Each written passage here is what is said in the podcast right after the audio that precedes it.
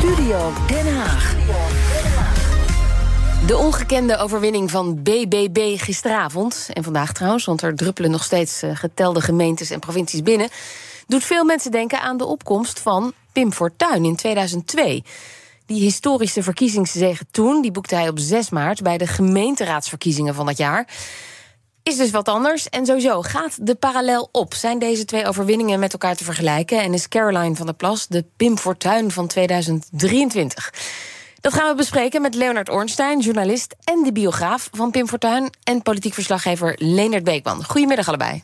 Goedemiddag. Leonard, uh, voor de duidelijkheid, jij schrijft nog aan de biografie, toch? Hij is Ja. nog niet af. Hij is nog niet af. Maar, Maar, je zit het- diep in het leven van Pim Fortuyn. diep in het leven van Pim Fortuyn gedoken. Maar ik nader het einde. Dus eh, spannend, ja. Spannend. Ehm Leendert en ik, eh, jij en ik bespraken het gisteravond laat al even. Is de overwinning van BBB te vergelijken met die van Fortuyn? Ja, Leonard, hoe zie jij dat?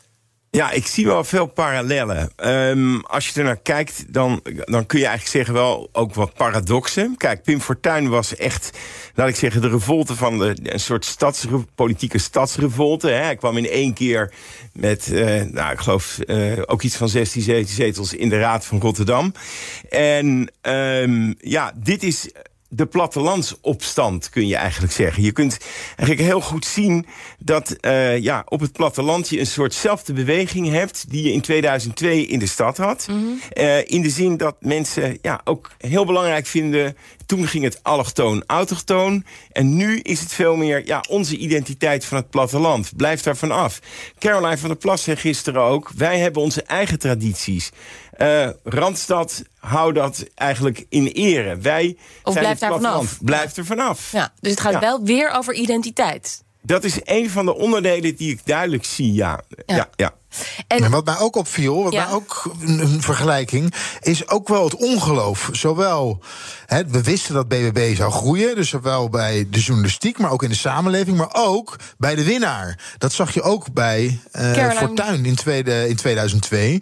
Ja, dat het ongeloof groot was. Niemand, iedereen hield rekening met een overwinning, maar dat het zo groot zou zijn en ook de schok bij de politieke tegenstanders eigenlijk, ja, die is best wel groot. Dat, daar zie ik wel echt een parallel. ja, was, Pim Fortuyn zelf toen ook heel erg verbaasd? En Ja, dat was. eh, hij had een beetje het gevoel op een rijdende tijger te zitten. Wat heb ik losgemaakt in deze maatschappij? Ik herinner me de opkomst van Fortuyn in Rotterdam. In eh, dat stadhuis. In die prachtige burgerzaal. Nou, er stonden ook honderden mensen. En zijn charisma straalde helemaal uit naar, naar, laat ik zeggen, de rest van het publiek. Heel Nederland was aan de buis gekluisterd. Gekluisterd. Hetzelfde als wat we in Badme gisteren zagen. En die hand voor de mond van Caroline van der Plas. Ja. Ja, dat zal je toch ook niet snel vergeten. Nee, Wauw, historische ongeloof. foto. Ja. ja, ja. Ehm, na die gemeenteraadsverkiezingen in 2002 was er een groot televisiedebat. Nou, dat kunnen we ons allemaal nog herinneren vanwege de lichaamstaal van Ad Melkert toen. Ehm gisteren was dat er niet. Is dat een gemiste kans, vind jij? Ja, daar heb ik me zeer over verbaasd. Ik heb echt gedacht van waarom... We hebben zo vaak van die debatten gehad na verkiezingen. Ik kan me zelfs nog een keer herinneren... dat Geert Wilders alleen met Paul Witteman zat eh, in de Tweede Kamer. eh, omdat de rest niet op kwam dagen. Wat is hier gebeurd? Waarom was er niet om 12 uur in Zwolle... zoals in de tijd in 2002 gewoon een groot debat met de Ja. politieke leiders? Het lijkt wel of ze een beetje bang zijn voor deze nieuwe fenomenen. Leonard, wat weet jij daarvan? Waarom was er geen groot debat? Er is niet eens over gesproken hier in Den Haag. Ik heb niemand erover gehoord. En ik besefte me eigenlijk pas vandaag, toen ik die parallel ging trekken met Fortuyn, dat ik dacht van, hé, hey, een slotdebat hè, na de verkiezingsdag, dat was eigenlijk eh, de de normaalste zaak van de wereld in het verleden. Waarom is dat er niet? En ik was ook een beetje aan het dagdromen. En ik dacht van, ja, wie zou nu de Ad Melkert zijn? Wie zou daar zitten met een lichaamstaal van... Nou, vul maar in. Eh, ja, eh, nou, ik dacht zelf toch wel aan Wopke Hoekstra. Ja. om heel eerlijk te zijn. Ja, het is misschien een inkopper. Maar ja, iedereen had gisteren verloren. Een beetje zoals in de, in de tijd van Fortuyn. Fortuyn, ja, ja. Dus er zaten een hoop verliezers. En er had één blij iemand aan tafel gezeten. Als je in ieder geval de grootste partijen bij elkaar bracht. Want we hebben natuurlijk wel nog meer winnaars. Ja, 21. We hebben Partij voor de Dieren. Moeten we niet vergeten. Mhm. Eh, het leek er heel eventjes op dat de combinatie Partij van de Arbeid GroenLinks eigenlijk Partij van de Arbeid ook zou gaan winnen. Maar dan moeten we nu nog eventjes de definitieve uitslag zien.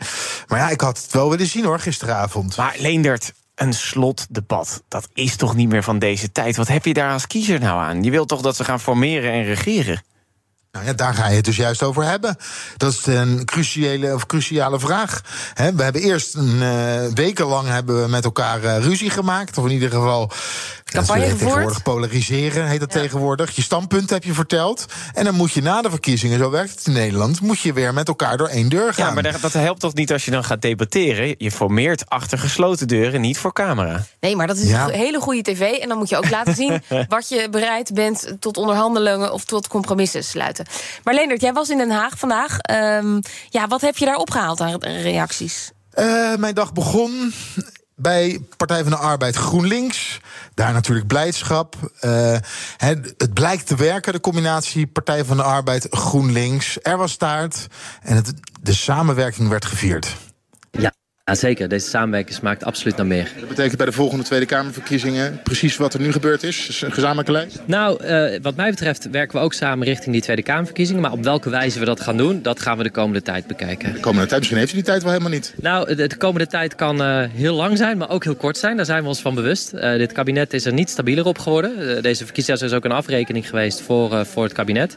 Dus ik hoop dat ze ervoor kiezen om de koers te verleggen. Ja, en als je kijkt, herhaalde dat ook nog eens een keertje. Dit smaakt naar meer. We gaan de samenwerking intensiveren. Uh, ja, een katalysator blijkt zullen deze verkiezingen zijn voor de samenwerking tussen Partij van de Arbeid en GroenLinks. Maar ook dus een feestje bij Partij voor de Dieren. Maar daar met worteltjestaart. Nou, ik denk dat mensen uh, aan, aan alle kanten voelen dat het nu tijd is om te kiezen voor natuur, voor dieren, voor klimaat. En dat dat in het belang is van ons allemaal. Ook voor de boeren, ook voor een gezonde toekomst op het platteland. Ja, en als je dat niet, als je daar niet voor gaat staan, als je daar geen krachtige politieke moed laat zien van mensen, we moeten deze keuze nu maken en dat gaan we ook goed en eerlijk doen. Dan zie je dat uh, partijen die zich daar tegen verzetten gaan winnen. Dus ja, ik, ik, ik snap dat wel. Ja, dus nu uh, de winnaars. De verliezers hadden geen. die hadden pers niet massaal uitgenodigd. Dus moest je ze tegenkomen in het Kamergebouw. De leider van het CDA moest hier wel zijn, omdat hij bij een vergadering aanwezig uh, uh, moest zijn. En ik sprak hem nog heel even. Wopke Hoekstra. Nou, als je zo'n aardverschuiving krijgt als die we nu gezien hebben... Eh, dan kan je moeilijk volhouden dat, eh, dat wij in Den Haag... en dat geldt uiteraard ook voor onze CDA... Eh, dat wij voldoende doorzien hebben wat er speelt. Deze aardverschuiving is nog groter dan die van vier jaar geleden. Dus dat is, natuurlijk een daverende oorvijg voor ons allemaal in Den Haag. en zeker ook voor ons als CDA. Ja, en wat er nu eigenlijk in Den Haag gebeurt... is even weer kijken met en hoe de politieke verhoudingen liggen en hoe iedereen zich tot elkaar verhoudt. Nog even terug naar die vergelijking Caroline van der Plas en uh, de overwinning van Pim Fortuyn.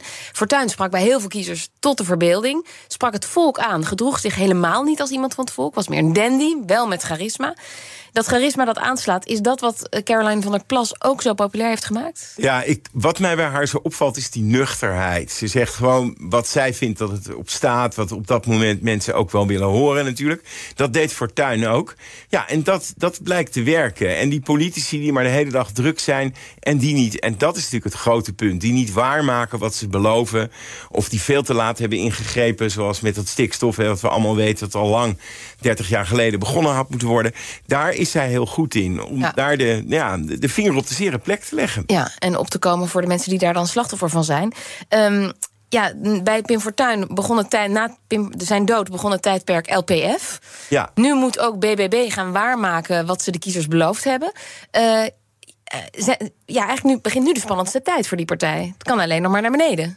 Ja, ik begin eigenlijk wel steeds meer tot de conclusie te komen... dat die personalisering van de politiek... Hè, dat één iemand heel belangrijk is en de lijst trekt... en een enorme overwinning boekt, dat dat steeds lastiger wordt. Je hebt zo'n partijapparaat, links of rechtsom, toch nodig. En heel veel bestuurders. organisatie en een mooi, heel veel bestuurders. Neem bijvoorbeeld Overijssel. Daar hebben ze nu 19 eh, mensen op de lijst staan... en ze hebben 17 zetels. Ja. Daar gaan mensen uh, worden uh, gedeputeerden. Die moeten dan weer uit die staat Ja, dit wordt organisatorisch zo complex en ingewikkeld. Ze worden de grootste in de Eerste Kamer. Nou, zo net blijkt eigenlijk, hè, bijna 16, 17 zetels. Moeten ze een Kamervoorzitter gaan waarschijnlijk gaan leveren. Wauw, dat is een uitdaging. En Caroline van der Plas kan niet overal zijn. Nee, nee niet in de Eerste en de Tweede Kamer tegelijk. Nee. En, en, wat Caroline van der Plas, dat hoor je veel van fractievoorzitters in de Tweede Kamer. Of eigenlijk partijleiders. Dat is helemaal niet leuk. Je bent brandjes aan het blussen. Van de gemeente, provincie, tot aan de Eerste Kamer. En uh, Caroline van der Plas had dat probleem tot gisteren niet. En dat gaat ze nu wel krijgen. Het wordt echt minder leuk voor haar om, om uh, politiek leider te zijn. Ja, dit, dit was de zegentocht, zeg maar. En nu, nu wordt het ingewikkelder. Maar denk je alleen dat BBB zich wel kan ontwikkelen tot een bestuurderspartij? Forum voor Democratie was vier jaar geleden de grote winnaar. Nou, daar is iedereen ongeveer opgestapt. Um, nou, BBB is een, is een veel constructievere partij.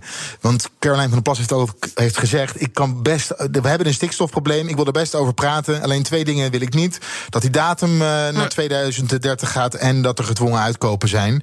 Ja, we gaan nu zien in hoeverre zij daadwerkelijk... Uh, bereid zijn om compromissen te sluiten. En dat zal heel belangrijk zijn, want anders zijn ze geen bestuurderspartij. Kan dat wel, dan passen ze in de Nederlandse traditie. Ja. En dan uh, worden ze een partij zoals alle andere partijen. Ja, het grote verschil is, ze zijn nu echt een machtsfactor. Hè? Dat waren ze niet. Ze kon vanaf de, de kant iets zeggen. Wat ik er wel bij wil zeggen, laten we ze wel een eerlijke kans geven. Hopen dat zij wel het lukt om in een heel korte tijd een bestuurderspartij op te zetten. Maar het is waanzinnig lastig. Maar goed, ze heeft enorm draagvlak. Dus als er knopen moeten worden doorgehakt, als zij ze doet, eh, dan gaan de trekkers niet meer de straat op, zou je kunnen denken. Ja, maar ze moet ook hopen dat niet allemaal ego's uh, die op een eigen tractor de andere kant op gaan rijden. Maar daar heeft ze toch al wel op gehint dat, het, dat, dat als dat gaat opspelen, dan gaan ze vanuit het, het land zeggen van uh, vanuit Den Haag... nee, even rustig aan. Dat, dat, heb je, dat heb je die provinciale bestuurders ook al gezegd. Dat het wel in overleg gaat met, met Caroline en, en de top. Ja, maar ja, goed, uh, luisteren al die mensen. Dat zag je dus bij die andere partijen. Het is echt, de partij opbouwen is geen sinecure. Maar uh, ook kansloos is het zeker niet. Maar het belangrijkste is nu uh, dat ze machtsfactor is. En mee moet gaan dealen met Rutte, met het CDA, met D66. Ja, dat, als ze dat wil althans. Dat wordt een klus. Dank jullie wel, Leonard Ornstein, journalist en de biograaf van Pim Fortuyn... en politiek verslaggever Leonard Beekman in Den Haag. Ook Diana Matroos vind je in de BNR-app. Ja, inderdaad. Je kunt live naar mij luisteren tijdens de Big Five. Ook handig in de BNR-app. Breaking nieuwsmeldingen, maar ook het allerlaatste zakelijke nieuws. En je vindt in de app alle BNR-podcasts, waaronder Wetenschap Vandaag. Download nu de gratis BNR-app en blijf scherp.